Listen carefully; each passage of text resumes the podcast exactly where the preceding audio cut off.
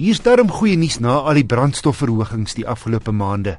Woensdag daal die petrolprys met 67 sent 'n liter. Diesel se prys daal ook met 25 sent 'n liter. 'n Luisteraar, Joy Kriel, vra raad. Sy wil op haar man se aanbeveling haar 2011 Nissan Juke 1.6 Tekna inruil op die nuwe turbo diesel Juke wat nou te koop is. Hierdie diesel alles wat die Tekna het, vra sy, en sal ek regtig geld spaar met my brandstofonkoste? Joy, daar's een turbo diesel model, die 1.5 DCi Accenta Plus. Hy het feitelik al die leksede van die goedkoopste Tekna 1.6 turbo model. In elk geval al die belangrikste lekses net 'n paar kleiner dinge nie soos die hoofligte skakel nou nie outomaties aan nie en hy het 4 in plaas van die 1.6 turbo se 6 luidsprekers. Die diesel het minder krag as jou vinnige Nissan, maar heeltemal voldoende na my mening. Gaan toetsbestuurman kyk of jy saamstem. Nou volgens Nissan se brandstofsyfers behoort jy 30% te bespaar met die turbo diesel.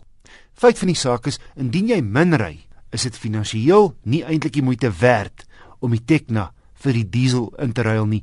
Mens verloor geld met so 'n verkoop koop transaksie. Maar Hoe meer jy elke maand ry, hoe meer maak die turbo diesel sin. Hier is my e-posadres indien jy enige navrae het oor motors of motorsake, stuur jou vraag na wissel@rsg.co.za.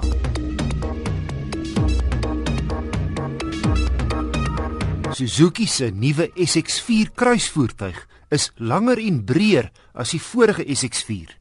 Nou so groot en min of meer dieselfde vorm as die vorige geslag Nissan Qashqai.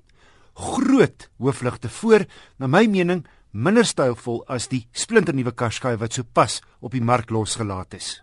Die top handratmodel, die 1.6 GLX All Grip, kom in vierwielaandrywing met 'n ronde knop links van die bestuurder se been.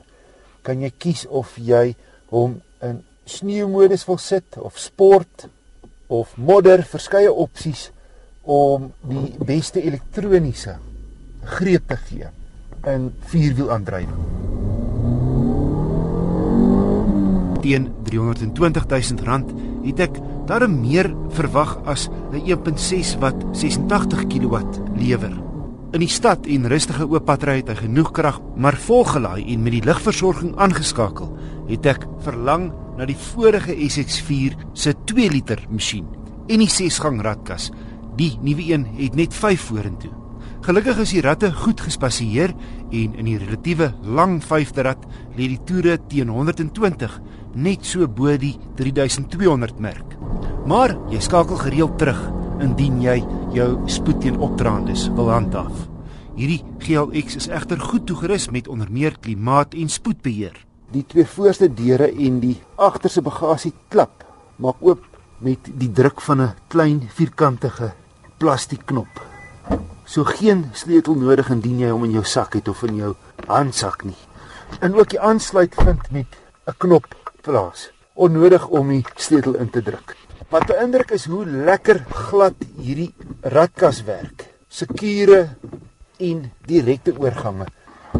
Baie spasie agter en 'n spasiebesparende spaarwiel. Hy het drie sensors agter en voor. En is amper asof hierdie drie sensors aan die kante ook voor aan die kante, agter aan die kante ook vir jou waarsku wat hierdie in daapse baie veilige kar maak. Ander veiligheidskenmerke: sewe ligsakke, wegtrekhulp en elektroniese stabiliteitsbeheer, asook dagryligte. Soos met die ander Suzuki's wat ek die afgelope tyd getoets het, was my gemiddelde verbruik uitstekend. 6,4 liter per 100 km. Bitter naby aan Suzuki se eie syfer van 6,2. En Suzuki is een van die min vervaardigers wat 'n realistiese syfer as hulle amptelike syfer weergee. Om op te som, die Suzuki is 'n praktiese, soliede gesinswa wat maklik en lekker bestuur solank jou kraglewering ambisies nie hoog is nie.